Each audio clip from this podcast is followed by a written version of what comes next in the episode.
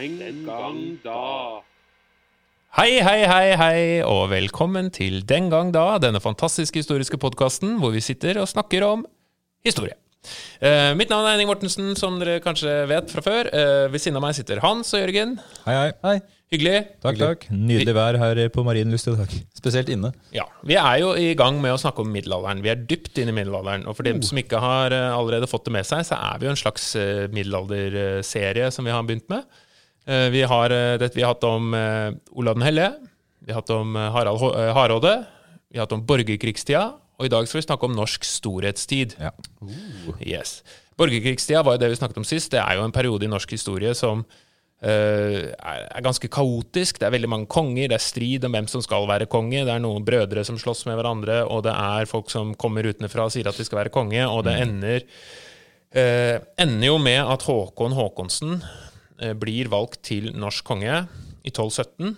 Eh, men vi sier jo at storhetstida Eller man kan jo si Noen sier at storhetstida begynner rundt da, men ellers så er det 1240 Ja. som vi er sånn tidsmessig da. Eh, For da er jo den siste eh, reelle på en måte motstanderen til Håkon Håkonsen og hans kongemakt eh, Skule, som eh, endelig blir slått og drept. Og Håkon Endelig. Håkonsen, ja. Håkon Håkonsen står fram som den eh, som regenten, som kongen, som ingen bestrider. Ja. Og det er jo mange grunner til at det blir han, og at han blir såpass mektig. Én ting er som du sier, at han, han får bort de som er konkurrentene, rett og slett. Skule Bårdsson er den siste, og du hører på navnet hans at når han heter Skule, så høres det litt sånn Du, du tenker, Det står ikke på han, Du, du, Skuler. Skuler, ja. du tenker ja, i, i Mossing motsetning til f.eks. Myse. Eh, myse Myse. Broren hans Myse Bårdsson, som har ja, smale øyne.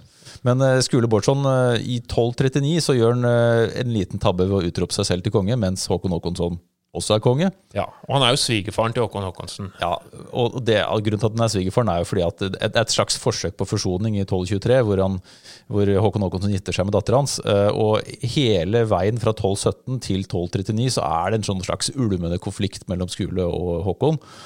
Eh, Og når han da utløper, ut, blir utropt til konge i 1239, så går det ganske fort, og i 1240 så blir han tatt av dage. Og han var jo allerede hertug. Og det, er han var jo første i Norge med hertugtittel, altså Skule. Skulle tro det var greit. Skulle tro det var nok. Han var uh, satt i Nidaros vel og styrte og var uh, på en måte sånn lokal herre om konge, om du vil, der. Han var jo ikke konge i navnet, men det var det han ville bli. Men det gikk dårlig. Ja, han, han styrte en periode over en tredel av Norge omtrent, uh, helt til Håkonsson bestemte at han skulle Istedenfor at han styrte over én konkret tredel, så skulle den styre over alle deler, men en tredel av hver del. Altså ikke et bestemt fast geografisk område, og det synes skulle være en dårlig idé. Ja. Uh, som en ren uh, fun fact, da, så er jo vår, vår kilde til mye av det her er jo Snorre. Og, og Snorre sjøl var involvert i denne striden mellom Skule Bårdsson og Håkon Håkonsson. fordi Skule han, eller Snorre han valgte nemlig side, uh, og han valgte Skules side i Ja. 1239. Og Snorre Sturlason var jo en stormann på Island. Ja, og Det førte jo da til at i 1241 så kom det noen av Håkon Håkonssons menn til Island og tok livet av Snorre. Ja. Fordi han jo valgte da feil side. Ja. tapende siden. Han skulle ikke gjort det. Han Skulle, skulle, han skulle, heller, eh, skulle holdt seg på kongens side, ikke på Skules side. Men eh, når vi har Håkon Håkonsson, så er han på en måte Han innleder det du innleda med, Henning, med Norges storhetstid, eller Norgesvelde, som er en annen betegnelse som, eh, som brukes. Um, og det er en periode som Var det et velde, tenker du? I hvert fall i utstrekning så har Norge aldri vært større. Uh, Så i sånn- norsk sammenheng så var det et velde? norsk sammenheng så er det et veldig velde. Uh, fordi at Norge under Håkons, Håkons, Håkon Håkonssons tid eh, når sitt største i utstrekning, i hvert fall. Ja, Hvor stort eh, er Norge på denne tiden? Veldig stort. Nå ser ikke lytterne det, men jeg viser det med henda. Ja. Eh, altså, altså, det er jo dagens Fastlands-Norge. Eh, no- noen områder i Sverige, type Båhus. Eh, Bohuslän, ja, Jämtland, Herjedalen. Yep. Og så har vi jo øyrikene i vest. Ja, det er en rekke øyer her. Det er Færøyene, det er Hebridene, det er Isle of Man. Det bor ikke bare menn der, men eh, det er eh, Isle of Man. Jeg beklager. Altså, hemoroidene. Ja, og så videre. Og orkenene. Eh, også, som, som også står fjellbygdene Idre og Særna. Mm. Kanskje ikke så veldig store, men det er en del av Sverige. Og så, eh, i 1261, så, så bekreftes Han sender et skip til eh, Grønland på 1250-tallet og spør Hei, eller jeg spør ikke, han sier Dere er det jo meg nå. er, det- det fremdeles folk Ja, her? fordi, de, fordi der finnes det en norrøn bosetning Ja. som eh, har etablert seg et par hundre år før. Og så sender han eh, et, en båt til Grønland på 1250-tallet og sier at nå er dere under vårt bispedømme. Og så sender de en båt tilbake, i, tar litt tid, da, i 1261, og sier ok. Og det samme skjer på Island i 1262. Er det der han fikk inspirasjon til å lage den, den politisk ukorrekte Diplomis-logoen òg? Du tenker på, På Grønland. Eskimonika? Ja. ja mulig. Mm. men uansett, da. Så hvis vi tar med alle disse små øyene, en del av Sverige, som, vi nå, som er en del av Sverige nå, da, som daværende del av Norge, eh, og Island og Grønland, så har man det man kaller Norgesveldet. Disse øyene, var de politisk sett altså 100% underlagt Norge, eller hadde de noe lokalt selvstyre? Eh, Godt eh, spørsmål, Hans. Det var, var ikke ledende det? Nei, det var ikke ledende. Fordi det er mange av de her som ikke nødvendigvis er underlagt direkte, men de har skatteplikt. Som f.eks. Iron Man. De, de betaler skatt. Så det er skattland? Det er skattland, ja. Og, og jeg tenker at hvis man skal få et land til å betale skatt, så må man jo enten lokke med noe, eller true med noe. Mm. Og på den tida som Håkon Håkonsson lever i, så er eh, Altså, Norge har den største leidangen under Håkonsson. Flere hundre skip, altså forsvarssystemet til, eh, til Norge, som er i form av Det er en slags eh, verneplikt, da, men i form av skip. Og under Håkonsson så har man den største leidagen i norgeshistorien, sies det da, på flere hundre skip. Så det er en mektig flåte, rett og slett. Og det er jo nytten om skal innta øystater. Men man knytter jo også disse da, lokale herskerne på øyene kanskje eh, til Leidangen ved at de er en del av Leidangen. Eh, og at de også eh, man kan friste med roller i hirden og sånn. Så er det jo islandske stormenn, da, f.eks. Ja. De islandske godene, altså høvdingene. Eh, der, der knytter man jo høvdingene til seg. Eh, kanskje særlig under ja, både Håkonsson og Lagabøte, sønnen hans, eh, gjennom, gjennom i roller da, i, i Norge. sant? Men eh, Håkonsson er en, eh, en, en fyr som, som er veldig interessert i ikke nødvendigvis bare Norge, men det som han ser utover. Veldig utenriks, utenrikspolitisk eh, aktiv, ikke bare i form av landområder, men han er en som er interessert i skal vi driste oss til å si kulturlivet i Europa. Ja. Han, han er interessert i, i hoffliv, han er interessert i litteratur. Han sender ut folk av sine egne for å hente dokumentasjon fra de viktigste litterære tradisjonene i Sør-Europa, spesielt i Tyskland, eller som senere blir Tyskland. Det vi ser under ham og Lagabøte, sønnen hans, Magnus, er jo at man, man har ganske mange navngitte sendemenn rundt omkring i verden, eh, som drar langt altså, rundt omkring, eh, nedover. Og disse Altså, vi har jo ikke oversikt over alle, men vi, vi har oversikt over en del. Og ut ifra antallet man har oversikt over, så kan man anta at det var veldig mange flere. Ja. Eh, som da dro rundt på ganske viktige, avtaler. jeg tipper var en blanding av diplomatisk eh, eh, oppdrag og kulturelle oppdrag som eh, skulle knytte bånd. da. Ja, så hvis vi skal liksom driste oss å si, kalle, altså Håkon Håkonsson eh, var sannsynligvis en som hadde bokhylle hjemme. Han, hadde, han skal vel angivelig ha blitt lest for når han døde, skulle han ikke det? Jo, Sverre Sigurdsson saga. Så hvis vi skal gå jeg ser på skolesvaret da, på det man må svare på en muntlig eksamen, hvorfor det kalles norsk storhetstid, så er det jo nettopp det at kongemakten blir etablert. Ja. Det er slutt på borgerkrigstida og masse utfordrere på kongemakten.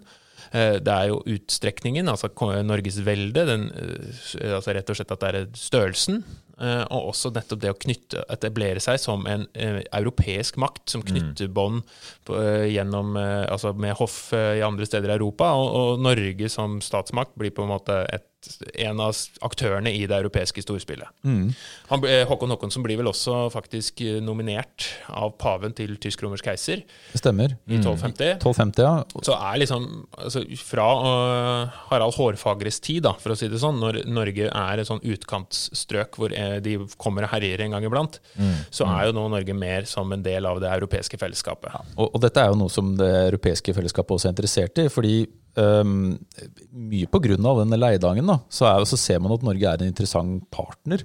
Uh, og det kan ha vært noe av grunnen til at um, Håkonsson gifter bort dattera si i 1258 til eh, den spanske prins Felipe. Kristina? ja. Kristina Tunsberg. Um, og hun da gifter seg, spansk i, og, og Håkonsson drar ned med en svær flåte, gifter seg. Er, Får, får hun ikke velge hvem hun skal gifte seg med? jo, eh, det sies det at hun fikk velge er blant ganske- sønnene. Ja, Du kan få plukke deg den, altså hun velger av den fineste. Ja, jeg håper det. Jeg tror, jeg tror Eh, hun Eller den beste. seg den, den hun altså snilleste øyne. Snilleste øyne, Ja, mest penger, name name your price. Størst hus. Ja, størst hus. Og den, eh, denne, den, dette ekteskapet varer i ja, ikke så lenge, fire år. Eh, Kristina dør. Eh, en liten, et lite sidespor der er at man har funnet sarkofagen hennes. Dette her er, dette her er for å gni det inn. Det er dårlig gjort, syns Ja, jeg. og, og hun, hun døde angivelig av eh, ørebetennelse. Ja. Eh, Og i denne sarkofagen, som som man åpna på 50-tallet, 1950-tallet, så, så, har man funnet da det man tror er levningen hennes, fordi det var et, et høyt skjelett. Eh. Man vet, vet jo ikke om det er henne, men sannsynlig er det det. Også i denne kista så lå hun med da en lapp i hånda si, øh, hvor det da sto angivelig hvordan hun skulle kurere ørebetennelse. Og det, jeg syns det er så dårlig gjort. Fordi du sender liksom et signal at du døde av ørebetennelse, og den kuren du prøvde, den virka ikke, så den skal du faen meg få med deg. Hvis jeg dør av en eller annen sykdom, så vil jeg jo ikke ha med meg liksom medisinen som ikke virka Nei, i grava. det- ja. Men uh, ja, og så finner man også uh, Nå, nå, bare, nå bare valser vi ut alt det som jeg er kjent på her, hvis det er greit. Men han, det finnes også spor av Håkonsson på andre måter. Han, under Håkonsons tid så, så har man bl.a. Eh, skriftet Kongespeilet, Ja. som er en slags innføring i hoffkultur. Som eh, muligens ble skrevet i øh, Håkonssons hoff. Man vet ikke hvem som er forfatteren, men det ble skrevet på hans tid på 1260-tallet. Det er en sånn Hvordan skal du te deg når du er i hofflivet? Ja, Rett og slett en instruksjonsbok i hofflivets eh, etikette. Ja, og, og dette er en bok som Hvordan bli en god aristokrat. sant? Hvordan skal du, Det er liksom litt à la Ludvigs eh, hoff på Ludvig den 14. Solkongens. Hvordan skal du te deg? Hvordan skal du sno deg rundt i aristokratiet? Hvordan skal du få makt? Hvordan, hva, hva er riktig, hva er feil? Masse uskrevne regler. Ja. Um, og dette er en bok som, um, som er kjent, og som blir ble plukket opp, plukket bl.a. på renessansen, hvor det er en annen som heter Castiglione, som skriver Book of the Courtier, som er en annen hoffbok fra italiensk tradisjon. Og uh, den er tydelig inspirert av Kongespeilet. Ja. Han, Fordi det er jo viktig. Altså, dette er jo en tid hvor En ting er at de aller fleste kan ikke lese eller skrive. Så det å formidle informasjon gjennom kroppsspråk og kutyme er ekstremt viktig. Hvor du skal sitte på bordet, hvordan du skal te deg, hvilke gester du bruker, hvordan du oppfører deg, du, hvem du ser på, hvordan du? Alt dette er jo måter å uttrykke Jeg syns det er vanskelig nok selv om jeg kan språket. Ja. Hvis skal, vi, vi, ja, hva er dresskode, f.eks., når du skal i bryllup? Hva, hva, hva tar du på det, Henning? Hvis du ikke vet? Eh, mørk dress. Mørk dress, Ja, ja. jeg, jeg har stort sett bare mørk dress, så det er det det går i. Så er er det dårlig gjort hvis det står smoking? Nei, jeg bedre no smoking. No smoking. uh, ja, bare et en fun fact til da, om Håkonsson. Han nevnes også angivelig i Dante. Dantes uh, guddommelige komedie, uh, som en del av Paradisio-delen. Uh, så Håkonsson er interessert i Europa, men Europa er også interessert i han. men er ikke han, ble ikke han også valgt til ekspertdommer i første Eurovision-konkurransen i 1259? Jo, det er Han var, mulig, det. han var en del av liksom alt, han. det, det blei ikke, noe- ble ikke så populært, det. Men Kongsspeilet er jo en sånn klassisk Det er en, sam, ikke en klassisk, det er en samtale mellom en far og en sønn. da, Der sønnen stiller spørsmål og faren svarer om alt av seder og skikker. ikke sant? Ikke sant? du skal lære deg språk, f.eks. Du skal møte opp tidlig i kirka, ikke bare fordi det er riktig å være i kirka, men også fordi det er der de beste avtalene kan Ja. gjøres. Eh, og du skal eh, lære deg lovverkene til andre folk, eh, med sette deg inn i alt. Men Håkonsson rydder jo litt opp da, i, i um, noe som sønnen hans også skal eh, gjøre, da, som vi kan komme tilbake til. Men han, han, um, han avskaffer blodhevn. Eh, Det er ikke lov lenger å hevne seg. Altså Vanligvis så det var det rett og slett æresdrap da, som man hadde som tradisjon. Hvis familien din eh, ble begått stor urett mot, så kunne du hevne deg mot den familien som hadde begått uretten. Og Ja. den, det, det, Ja. det, det avskaffer Håkonsson. Men ikke, Ja. bare, men ikke bare hevne seg mot den i familien som hadde begått- uretten, men det var jo også ikke vanlig at måte, eh, ansvarsfordelinga ble litt spredt utover familien og vennene til den som hadde gjort noe. Ja, ja. Så det var ikke Så- sånn at bare den som hadde gjort noe, ble straffa for det. Ja, familien. Og det er noe som vi ser endringer på, det er særlig under Magnus Lagabøte. kommer tilbake til det kanskje, men, men det Ja, fordi dette med blodhevn er jo det, det var nok ikke det at du slutta over natta, men blodhevn er jo en gammel tradisjon hvor du skal bevare din, eh, din slekts ære. ved Er det, er det en god, gammel tradisjon? Nei, men det er jo altså Det er jo den? For det er jo det som er problemet, at det, det spinner ut av kontroll. Og så hvem er det som egentlig begynte? Ja, Fordi du, du hevner en som ble hevnet, som hevnet den som hevnet. Ikke sant? Så det blir sånne familiefeider. da Jeg ser for meg sånne sånn der, eh, dalstrøk i USA på 1800-tallet, ikke sant? hvor det er sånne familiefeider. Ja, som, som går med høygafler mot hverandre? Hvor de glemmer egentlig hva som var utspringet for konflikten, men man bare hevner hverandre navn og dreper de man kommer over tilfeldigvis. da Ifølge samtidswesternserien Yellowstone så er det sånn fremdeles i, i USA. Det er kanskje det. Jeg, eh, det er jo altså, Man skal ikke lese mange norrøne sagaer, punktum. Men man skal ikke lese mange norrøne sagaer for å finne ut at det er jo stort sett det her det handler om. Eh, feider mellom eh, norske og islandske familier på 1900-tallet. Eh, det er, ja, fordi blodhevn eh, fører jo til at mange mennesker dør, og mange går ut av soga ganske kjapt. Men det er jo kanskje, kanskje det, i hvert fall systemet var en sånn Man så på det kanskje som en nødvendighet for å holde et ettersamfunn gående, da. Ja, for Hvis vi går til Max Webers definisjon av en stat, da, altså makt, altså voldsmonopol, Ja. så handler jo dette også nettopp om å, å etablere mer makt hos staten. fordi gjennom å ta kontroll over at det er kun kongen da, eh, og staten som kan avgjøre Du skal ikke ha sånn blodhevn og fri, egentlig Sjuoversiktlig? frislipp, ja. For det er veldig vanskelig da å kontrollere og, og sørge Ja. for at etter hvert lovene som vi kommer til, også blir fulgt. Og det, og, det er noe, og det er jo noe av det som skjer i løpet av Som også er en del av Norges veldig storhetstid, er jo nettopp det at kongen får voldsmonopol. I de, teoretisk sett, i hvert fall. Vi kan jo også kanskje anta at Håkon Håkonsson dro, lærte av historien eh, og innførte en ny tronfølgelov. Fordi altså, det var uoversiktlig, la oss si det, eh, før Håkon Det var uoversiktlig. Og da sier vi det. Eh, du kunne, altså det som krevdes for at du kunne kreve kongemakt, det var at du var kongssønn. Og nå, gjennom samarbeidet med kirka, så kommer vi fram til at det er bare ektefødte førstesønner, altså eldstesønner. Da blir det jo én. Det blir én, ja. Eh, For tidligere har man åpna for samkongedømme. Det hadde funka, og så funka det ikke i borgerkrigstida, så da finner man ut at vi bare gjør det ulovlig. Skal sies at Håkon Håkonsson brøyt den siste skikken her da, ved å innføre ved å Og det er 1260 han innfører den under, stemmer det? 1260, tror jeg er helt riktig. Nei, jeg Eh, godt. Det er bra, det er sånn årstallseksamen. Men eh, Håkon Håkonsson han, han bryter jo dette, i hvert fall ved å, ved å gi sønnen sin kongemakt før han selv dør. Eh, Attpåtil eh, i bryllupet, eh, når de gifter seg i Håkonshallen i Bergen, som er nyoppført i eh, 1261, hvis jeg ikke husker feil. Så, så innfører han da denne Så, så, så, hever han på en måte sønnen Magnus Lagabøte, som han senere skal hete. da. mm. Sammen med seg selv så setter han sønnen på tronen og sier at nå ruller vi sammen. da. Ja. Men nå ruller sammen, ruller, ja. som russen gjør. Men Ja, men altså for, å, for å vise hvordan han også da samler makta hos seg selv enda mer, er jo at i, som en del av denne loven i 60, 1260, så, så tar fra, han tar fra tingene rett til å gjøre kongevalg. Eh, så, så de mister også den posisjonen de har hatt da, til å velge en konge. Fordi det hadde jo tidligere vært greia. altså Også en ektefødt konge måtte velges på tingene. Nettopp. Men Håkon Håkonsen gjør jo også som de fleste gjør. Han dør jo. Ja, han, han dør jo litt sånn vikingaktig, da. Ja.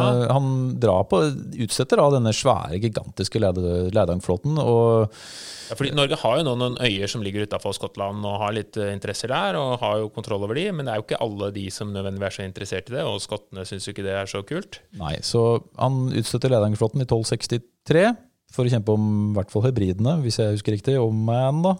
Orknøyene. Uh, Orknøyene uh, kommer ingen stor vei. Uh, det, går- ja, Nei, Han drar jo dit med en svær ta og herjer og styrer, og så går det litt stund, og så skjer ikke så mye, og så oppløses flåten mer eller mindre. Han bestemmer seg for å overvintre og liksom ikke søren, eh, men eh, gjør jo det som er litt uheldig, da, og dør. ja, det er upraktisk. Ja, Sott, Eh. Sott, ja, sott kan være hva som helst. En sykdom, Eh, udefinert sykdom. Ja, Den dør på Orknøyen 1264. Men der har den jo vært litt eh, mer framsynt enn sine forgjengere. Da, og som sagt da har allerede utnevnt sønnen sin som konge. Ja. Som da er Magnus Håkonsson, eller Magnus Lagabøter, som han skal hete. Ja, Dør vel i 1263. eh, Stem, ja, altså Han blir konge i 1261, men konge alene i 1264, da. Hvis Ja. jeg husker riktig. Men Håkon Håkonsen dør eh, i Tolv- 1263. Den gang da. Men da er det jo sønnen hans som tar over. Og han har jo et tilnavn som er verdt å legge merke til. Lagabøte. Uh, Han laga vel bøter? han laga vel bøter, ja. Ja, han gjorde- han gjorde ikke det. Han, eh, bøt, han eh, bøta på lovene. Han reparerer dem. Ja. Han bøta på laga, lagen. Ja, det, altså, her er et navn som nesten kan funke begge veier. Altså, han- Enten han laga bøter, som i å lage lovgivning, eller han bøta på de lovene som var, og det er det siste han gjorde. ja. Han er jo ikke den første kongen som lager lover, eh, og Nei, det er ikke nei, første lovene Norge noen gang har hatt, men han er vel den første som går for å liksom samle det til én felles lov. Landslova lova. Landslova, lova, ja. Nettopp. Eh, Før det her så har vi jo Gulatingsloven, vi har Frostating. Eidsivatingloven, Frostatingsloven, som er på en måte lover som har vært eh, gjeldende i Norge, men ikke over hele landet, som du sier, Henning. Så lagabøte, lagabøter, eller lagabøte, begge deler er lov. Han, han forsøker da å samle lovene i ett skrift. område. Og det, dette er jo interessant, fordi du, fordi du, du ser for deg liksom utviklingen av statsapparat før dette her også, men at du har fremdeles hatt veldig mye lokalt selvstyre i lovspørsmål. Så selv om kongen har hatt råderett overalt, og sånt, så, så har jo den lokale justisen da vært viktig, eh, selvfølgelig. Og, det, og så tror jeg jo ikke det er sånn at praksisen endres eh, over natta. Så selv om landsloven blir innført, så er det nok mye lokal justis. Og det vi ser også, er at er at eh, for å få til en landslov, for å få en landslov til å gjelde, så må den dømmes litt lokalt. Altså du må innvilge lokale lovområder. Eh.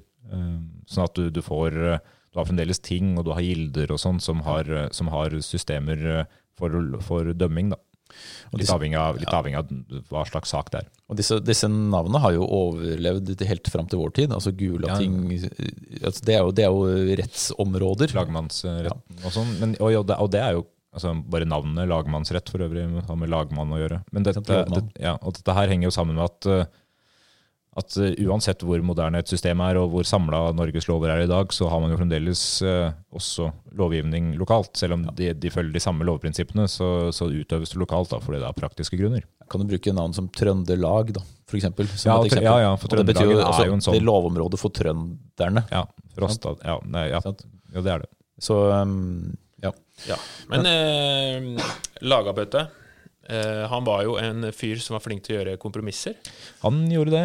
Eh, Omtales som mild i formen, Ja, men en som fikk det ganske mye. Han fikk det mye, blant annet med Skottland. Så?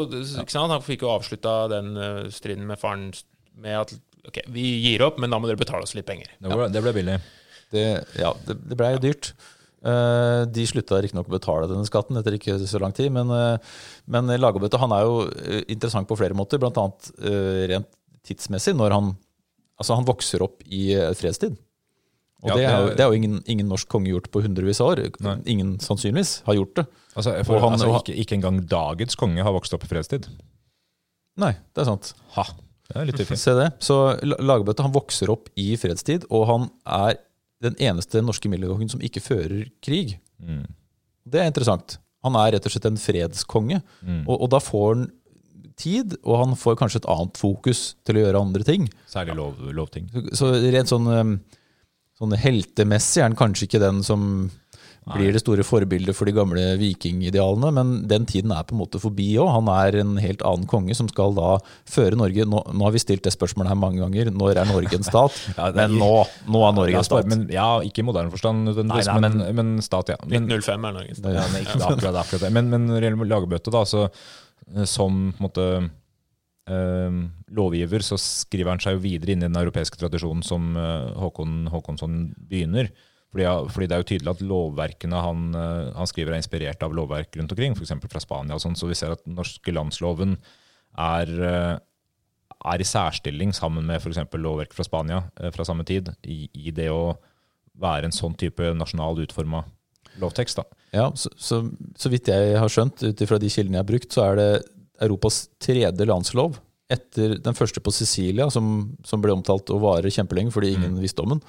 Eller, og den i Spania, som varte kjempekort fordi alle visste om den. Så, er det, så er denne landsloven den, kanskje den som fungerer best på tidligst tidspunkt. Ja, og ganske spredt også, så vidt jeg vet. Altså, folk uh, hadde den. Den ble lest rundt omkring i Norge. Det, det som er kanskje sånn rettsvitenskapelig eller eh, hva skal man kalle det, rettsfilosofisk, så er det de grunnleggende prinsippene som er ganske annerledes i den loven her fra tidligere lovverk, også i Norge da, og, andre, og en del andre lover rundt omkring i Europa. Eh, Men eh, det som er likt med tidligere, eller med de samtidige europeiske lovene, er det at kongen skal være en, en god og nådig konge. Du skal ha et, et lovverk som er um, hva skal man si, rettferdig. Dette er Ja. viktig. Men at kongen også er lovgiver. Selv om eh, altså lov, kongen er over loven uh, på et eller annet vis. Det er praktisk. Uh, fordi det er kongen som gir loven. Men han er likevel i sin kraft av konge i Guds uh, altså styre for, på Guds vegne og sånn, så, ha, så skal denne loven følge normal kristen etikk. Så det vil si at du, du, du har en grad av pragmatikk der, f.eks. Folk skal ikke lide unødvendig. Så Nei, de skal ikke dømmes unødvendig? Nei nei, og kun den som har gjort noe, skal straffes for det, ikke ætten eller familien. Ja. Ergo blod, altså, som vi så blodhevnkonseptet. Og du, du får også dette idealet om at uh, om at du kan ha litt pragmatikk, da. Som sagt, hvis du ikke har råd til å betale gjelda di, så, så kan man se på løsninger. la for å si sånn. Nei, men du kan se på løsninger, da. De tar ikke vekk eh, gården til familien din, f.eks. Hvis du har familie du må brødfø. Ikke sant? Så skal det ikke gå utover andre enn deg sjøl. Hvis vi kan driste oss til å si at det her er et prinsipp om at du er uskyldig inntil det motsatte er bevist, og at du skal se etter formildende omstendigheter, som jo er en hjørnestein i norsk lov i dag. Mm. At du, du skal ikke strømme, strømme, dømme hardt hvis ikke du må. Nei. Så mild konge. Han inngår jo også et, og god. ja, et kompromiss med, med kirken. Ja, for der har det vært mye konflikt. Og det vi, det vi vet i samtida her, er jo at kirken altså Apropos lovverk, så er jo kirken eh, en selvstendig lovgiver um, for, i kirkelige spørsmål, som selvfølgelig også påvirker utover. Fordi i praksis så er jo sånn at uh, landsloven uh, selvfølgelig lokalt ikke nødvendigvis har så mye gjennomslag, for folk gjør som de vil uansett. Bortsett fra kirkespørsmålet, der har nok kirken hatt vel så stor gjennomslagskraft i, i lokale stridigheter. Ehm, men han men det har vært mye til og fra med kirkens privilegier, og Magnus inngår et kompromiss der. Han er god på det, eh, og det skal ettertiden dømme ham for, for så vidt også. Men i 1277 så kommer denne såkalte Settargjerden i Tønsberg. Der oppnår kirken ganske mange eh, rettigheter. Eh, De har domsrett i kirkesaker, såkalte klerkemål altså. De har rett til å utnevne Klerke, ja, klerkere, kirkelig ansatte. De har rett til å utnevne sine egne eh, utnevnelser altså, av kirkelige embeter, såkalte kall. De har frihet fra Leidang, og da på det tidspunktet der så er jo også Leidang en skatt. så det vil si at, altså, Bare for å ta det, da, så, så, så, så er veldig, altså Inntektene til kongen eh, er mye naturalia. I Norge så er det ikke mye penger som gis til kongen, det er naturalia, så kongen er nødt til å drive med handel. Men du har Leidangskatt, f.eks., i tillegg til Forsvaret. Eh, så kirken blir fritatt fra det. De har, eh, får lov til å ta inn tiende, og den blir utvida, og de kan eh, beholde bøter i saker som tilhører kirken sjøl, sånn, så de tjener seg ganske bra på dette. her nå. Ja, og bare Det at man, det er en genistrek det å på en måte si at leiedagen er en skatt når den ikke er utkalt. For det gjør også at inntektene til staten, altså kongen, blir mye høyere. Ja, så Magnus, eh, Magnus Lagerbøte med- er jo eh, kjent for å lage bøter. Han gifta seg også med en som het eh, Ingeborg Eriksdatter, som også blir viktig. og De fikk to sønner. Og så gjør Magnus det som eh, vi var inne på at mange gjør. da. Han dør. Han, han dør Det er dumt, altså. Og da er jo barna hans fortsatt veldig små.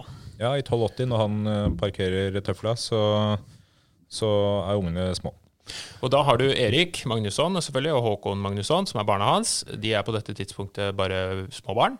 Eh, Erik men- er vel 13, eller ikke? Og Ingeborg er jo enkedronning, da, altså hans enkefru. Hun var en dansk, dansk eh, dame som de egentlig nærmest liksom løp ned og ikke kidnappa, men liksom dro av med seg eh, i all hast eh, for å gifte seg med Magnus. Og hun gifta seg og ble værende i Norge. Og Ja. etablerer seg jo egentlig da som eh, etter at Magnus dør, som en sånn veldig viktig figur i Mm. norske styret, sammen med selvfølgelig andre adelsherrer osv. Og, og styrer mye av landet, egentlig, på vegne av sønnen sin, Erik. Eirik, beklager. Eh, og da eh, blir jo Eirik den som på en måte i navnet er den norske kongen.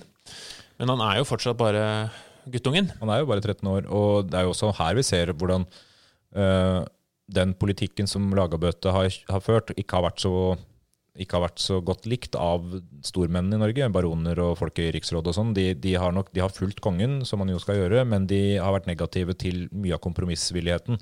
For så tar, tar de vekk mange av privilegiene til kirka ganske kjapt, og det blir mer konflikter der.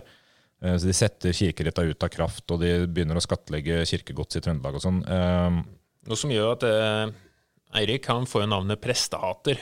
Ja, hyggelig.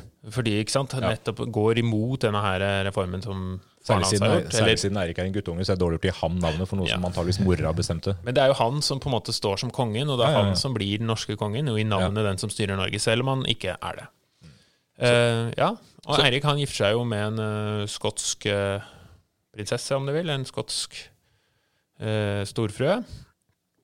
Ja, Eller en frøken. Frøken, som er, han er jo 13, og hun er 20. Ja. og noe sånt nå. Eh, hun er visst vakker og belest og, og sånn. Eh, For god for den, eller? Er, er han det? han er jo en som Han har falt av hesten. Noen tror kanskje han hadde en slags hjerneskade. Han er ikke Ja, veldig driftig, han er litt sånn bakpå. Eh, Ja, han tar med ro. Så han eh, Høres ut som et var. Ja, men de får jo faktisk en datter eh, et år etter at de har gifta seg. Ja, ja, ja. Så, så hun har jo på en måte gjort sin plikt til å begynne med, men så dør jo hun, da. Altså dattera. Nei, Nei, altså, dronninga. oh, ja. Mm. Uh, men datteren får jo en viktig rolle senere. Men ved siden av Eirik så har vi Håkon, som er broren hans. Ja, han, han blir jo baron. Ja, Ja, han blir hertug. Hertug, unnskyld. Ikke Ja. baron, unnskyld. Hertug. Så- Han blir, og han er litt, litt yngre, selvfølgelig. Uh, blir jo da hertug. Uh, så- og Mm. etter hvert får en viktig rolle i, i Oslo og Viken-området. eh, Så han blir jo etter hvert også konge, som vi kommer inn på. Ja, og nå er vi i en, en tid hvor på en måte, Norge har vært Du snakka om Norgesveldet innledningsvis her. Og i utstrekning så, så, så minker riket igjen. Ja, Nå, nå, altså, det, det begynte allerede med Magnus Lagerbøter, som måtte kvitte seg eller slash gi fra seg områder. Ja, eksempel i Skottland. da. Ja, for eksempel Skottland. Så, så man er mer opptatt av det innenrikspolitiske. Og samtidig så ser vi at både Danmark, eller Danmark som andre sier, eh, og Sverige, de er de har vært preget av borgerkrig mens Norge har bygd seg opp, men nå stabiliserer både mm. svenskeriket og danskeriket seg, sånn at Norgesriket kanskje taper terreng sett i forhold til dem. ja. Men Norge har et nytt problem. Fordi eh, i Bergen så er det jo mange tyske kjøpmenn. Ja. Eh, De har fått privilegier, de handler.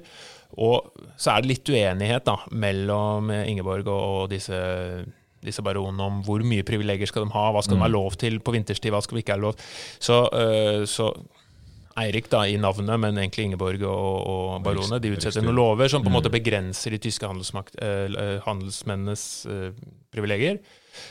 Og det, det syns jo ikke de tyske handelsstatene nå. Nei, de liker jo ikke det her, fordi de tjener jo flesk eller penger på dette her. Altså, det er jo, det er jo en, en tilstand vi altså, Det er vanskelig å se for seg, kanskje, men eh, i Bergen på den tida her så var det altså, vilt mange tyskere. Eh, nå er det jo mye turister på Fisketorget i dag òg, men hvis man drar til Bergen og tusler inn i disse gamle Hansa-bygningene bak på torget der, ikke torget, unnskyld, Bryggen, så, så er det her eh, fra den tida. Og, og det var veldig mye tyskere. Språket vårt blir jo sterkt påvirka i åra som kommer av dette her, f.eks. Eh, og og også Lagabøta hadde problemer med dette. der. Han hadde personlige problemer. Han likte ikke at det var så mye tyskere der, eh, men han eh, inngikk noen kompromisser likevel. Men som vi sa i stad, så, så får disse her blod på tann, da, dette riksrådet under Ingeborg. Ja, og det, det ender jo med, for disse tyske bystatene har jo slutta seg i et forbund. De har gått sammen og sier at vi, vi skal hjelpe hverandre og sørge for at våre privilegier og vår stilling holdes. Og det, det blir jo mm, nærmest en krig, eh, og det blir kapring fra begge sider. Altså de, de tar skipene til hverandre, og de forsøker å rett og slett bare ta alle skipene de ser. Dette skaper jo også problemer, fordi man tar jo da også noen danske skip og litt sånn innimellom her, og det er rett og slett et et kaos. eh, og ikke minst sliter jo da Norge med å få forsyninger og Ja, ja. korn, ikke sant? Fordi det er jo, Det blir blokkering av norske blir jo en blokkering. Det der er jo 1283-84. Jeg vil kanskje si at eh, bare sånn for å feste noen tall her, altså under Erik Magnusson så er det, han er konge fra 1280 til 1299. Så vi har et årsdom. Ja, og Eirik Magnusson eh, får jo en datter, som vi sa, eh, av eh, den eh, skotske prinsessa. da. Og så har det seg jo sånn da, at eh, en del omstendigheter som gjør at den skotske konge, eller kongen og hans på en måte nærmeste arvinger dør litt sånn i tilfeldig rekkefølge, og litt som fluer. Plutselig har ikke kongen noen arvinger. Og så på en sånn eh, hestetur i fylla, så dør også den skotske kongen. Han, er, han, skal, eh, han skal jo rett og slett ut Han er på fylla, skal ri eh, til kona si og detter utafor noe stup eller noe sånt, og dør eh, på seg han òg. Og, og Skottland står uten konge. Står uten eh, regent. Og da er det mye som skjer. For da er det jo liksom OK, men hvem kan ta over? Den engelske kongen har veldig lyst på Skottland. Eh, Merkelig. Ja, det er fristende, ikke sant. Dette landet i nord som er, de ikke klarer å ha, har lyst på kontroll over der. Han har en sønn som han tenker han, Hvis han blir konge av Skottland, hadde jo det vært fint. Og hvem er det som kan pårope seg arverett for den skotske kronen? Jo, nemlig datteren til Eirik Magnusson, som jo er datter av den skotske prinsessa, som også døde da når hun fødte han. Det blir komplisert. Yes, og dette er Margrethe, da, som er liksom jomfruen av Norge. Hun får jo en sånn megaviktig posisjon i europeisk storpolitikk. Hun er bare tre år gammel, men er liksom Oi, hun er billetten til den mektige engelske kongen til å ta over den skotske tronen. Han kan ta over Skottland uten et sverdslag. Han, er, han, er, han ser en fantastisk mulighet. Og, og, og for Norge òg så er jo dette en kjempemulighet til å, å få innflytelse, gifte bort liksom, kongsdatteren inn i det skotske og da det engelske kongehuset. Det er ikke så lenge siden Norge hadde vært og prøvd å ta Skottland, og tidligere enn det i England også, så man har jo hatt interesser der. Så dette er jo en kjempegyllen mulighet eh, for, for alle. Og de alle, bortsett fra selvfølgelig den skotske adelen, som syns dette kan være litt guffent, men de, de, de på en måte ok, de etter hvert vet mye om og sier at det er greit. Og så er jo da dronning Marg eller, ja, Margrethe på vei over til Skottland, da. Eh, denne unge piken, eh, i 1290, og dør. Ja. Det er så upraktisk. Ja. ja. Så der kunne jo historien endt, eh, eller blitt annerledes, eh, hvis den endte jo. Men den kunne jo ha blitt veldig annerledes, både for det norske og det engelske og det skotske riket. Ja, ja, Eh, men det ender jo med at hun dør, og på en måte arveretten blir borte, og da er man i problemer igjen, og adelen sier det greit. Men, så der er jo Norge i en sånn overgangsfase hvor de kunne ha blitt store, men ikke blir det. Og sliter da også en konflikt med tyskerne. De, også da disse tyske bystatene, som de eh, sliter med å ha konflikt med, blir enige om, ja. Gi tilbake. om eh, ok, vi skal gi dem, men vi må skylde dere 6000 mark skal dere få. Dere skal få altså, masse penger, da. Mm. Det er Så, mye. ja, den norske staten, altså Norge må rett og slett gi eh, masse penger til disse tyske bystatene. Ja, det er mye penger. Og de kommer jo år etter år for å kreve disse pengene. eh, Men nordmennene sliter eh, med å betale disse ja, pengene. Det, det sier litt om det norske systemet. Det er ikke så mye penger i omløp her. Det er mye naturalia. Ja. Ja. Den, ikke nå begynner vi Kongemakta. fordi Norge da ikke sant, er jo en makt som har mye innflytelse, eller liksom begynner å gjøre seg, men er allike, det er få folk, det er mye Mm. Ja, skau, det det, er mye fjell, ikke så mye penger. Vi klarer, altså Norge klarer ikke å hevde seg på kanskje like stor grad. da. Som, så vi begynner jo å ane at dette ikke nødvendigvis går så bra.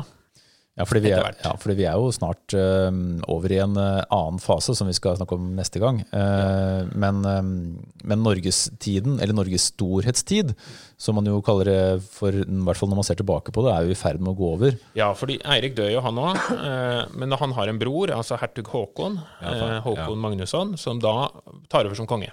Dette er i 1299, eh, og tar Håkon 5. Han er 50, for nå begynner det å bli veldig forvirrende også med Ja, kongenavn. heter For nå begynner det å hete det samme. Eh, Ikke at det er første gang, men Håkon 5. Magnusson overtar nå da i, i 1299. Og som konge eh, Han har jo egentlig kongegjerninga fortsetter jo egentlig litt der hertuggjerninga slutter. fordi han har vært hertug over Østlandet, og da den ordninga mellom de to kongene virker jo altså Unnskyld, ikke de to kongene, men de to brødrene virker jo nesten som et gammelt samkongedømme, strengt tatt. Ja, fordi det Og, Ikke ektepar. av de to så var kanskje Håkon også den mest driftige. Han var nok hvassere enn broren Eirik, han var det. Eh, Så kan du argumentere med at feil person ble konge der. Men når Håkon da endelig blir konge, så fortsetter han det arbeidet hadde begynt på som hertug. F.eks. å konsolidere østlandsområdet ytterligere. Han bygde opp Oslo, bygde ut Akershus festning.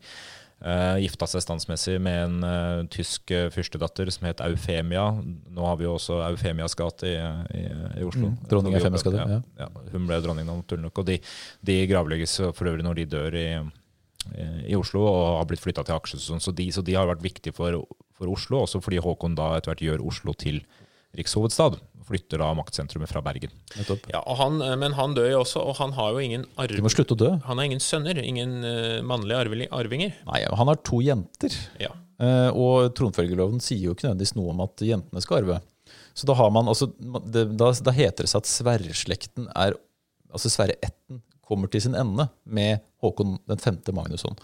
Um, uh, men disse jentene, da. Um, hvordan skal man få stabla et kongerike med, med disse? Da må du gifte dem med noen, da. Og hvor Ja. går man da? Til Sverige. Til Sverige, som er liksom stedet for å hente seg arveprinser. for ja, Ja, ja. Ja, fordi han gifte da bort, eller dattera hans ble gifta med eh, eh, Erik eh, Magnusson, som også er svensk. Eller, så ja, han er jo svensk, og, og barna deres da Ja. blir jo da Magnus Eriksson, Ja. som da blir konge for Sverige og Norge. Ja, og, og nå er det et lite skifte i eh, norsk historie. Fordi eh, det er etter 1319 så er det ingen norsk konge over bare Norge før 1905. Nei. Så der er det altså nesten 600 år med samkongedømmer, som etter hvert blir dansketiden, som blir svensketiden. Skal huske her dette her er såkalt personalunion. Altså så når, når, når, den norske kongen da også er svensk konge, så er det ikke nødvendigvis sånn at landene som nasjonalstater er bundet til hverandre, men at de er bundet til hverandre under kongen. Ja. Så en ny konge som ikke er konge i begge land, vil potensielt da kunne være konge i bare det ene, ikke sant? Uten, at, uh, uten at begge landene går videre til den kongen. Dette her, dette her er ikke noe vi ikke ser for oss nå, men personalunion, da, at det er samme konge, men at det er forskjellige land likevel. Men det er jo ikke den veien det går da til slutt. Men bare for å si litt om han, avslutte litt med Håkon 5. her, fordi han er Eh, han har vært eh, viktig i mange spørsmål, også i altså videre utvidelse av kulturlivet også oversettelse fra Europa. Sånn, dronninga var veldig på det der å få inn tekster, f.eks. Men han, han er f.eks. den som oppretter Norges første skoler. Eh, for oss lærere så er det litt interessant. eh, ved Apostelkirken og Mariakirken. Eh, fordi det, da tenkte han at da kan eh, få Og nå er det jo bare altså på tidligere hertug Håkon som ble Ja, kong femte, Håkon. femte. For, for å få, for han tenker at da kan du få boklærde inn i, inn i eh, kongens tjeneste ved å lage skoler der og utdanne dem. Så, så han ser liksom verdien av å bygge opp en sånn eh, skriftlig kulturelite knytta til kongen. Men når han dør, altså, så, som dere sier, så blir vi, går vi over i en tid med svensk-norsk konge. Ja, og Magnus Eriksson, konge da i 1319, eh, og er jo da konge eh, en stund, såpass lenge at han får jo sett da, da det som er eh, en veldig stor tragedie. For Ja. Den som eh, kanskje kjenner sin historie, vet jo da at i 1349 så skjer det noe veldig stort.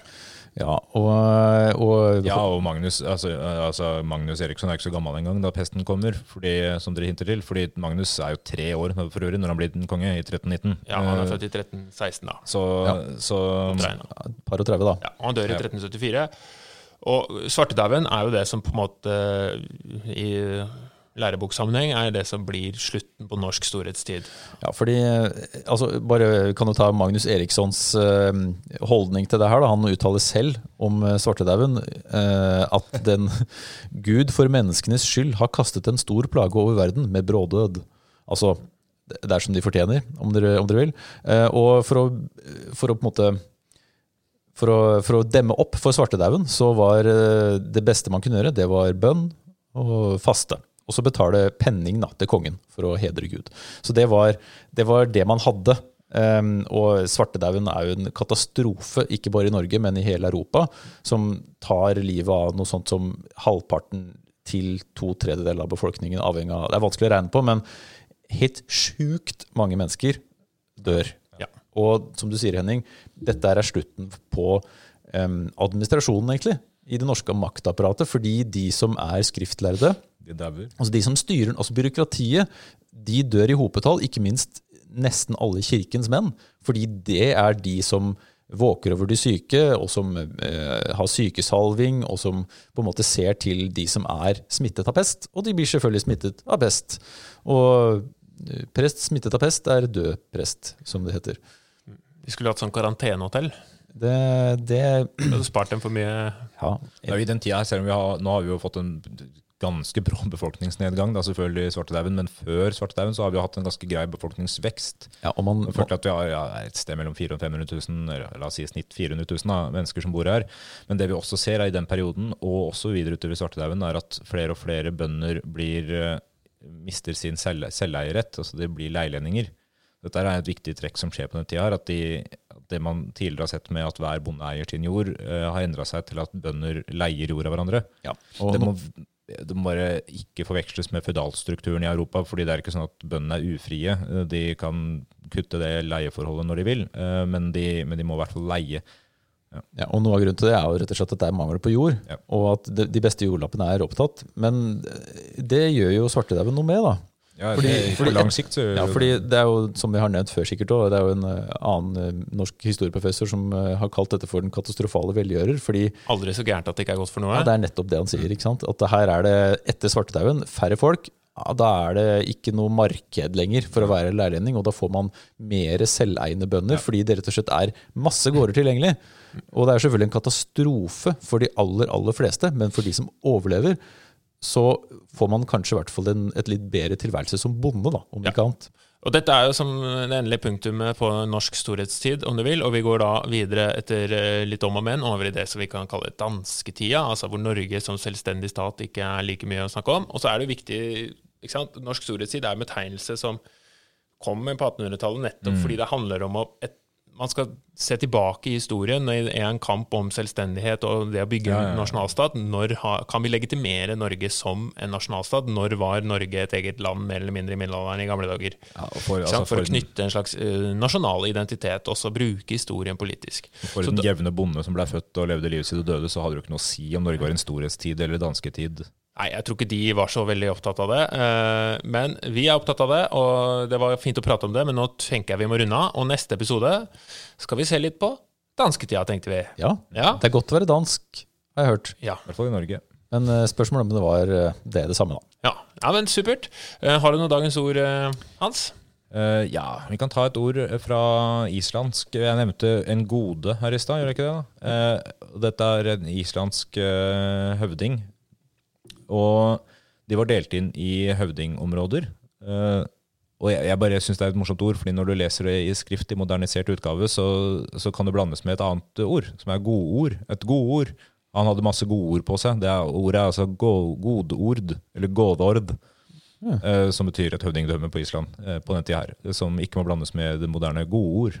Eh, ja. Nettopp. Det var et godt ord. Det var et godt ord, ja. Godt ord. Godt ord. Ja, men da sier vi takk for nå. Ha det bra.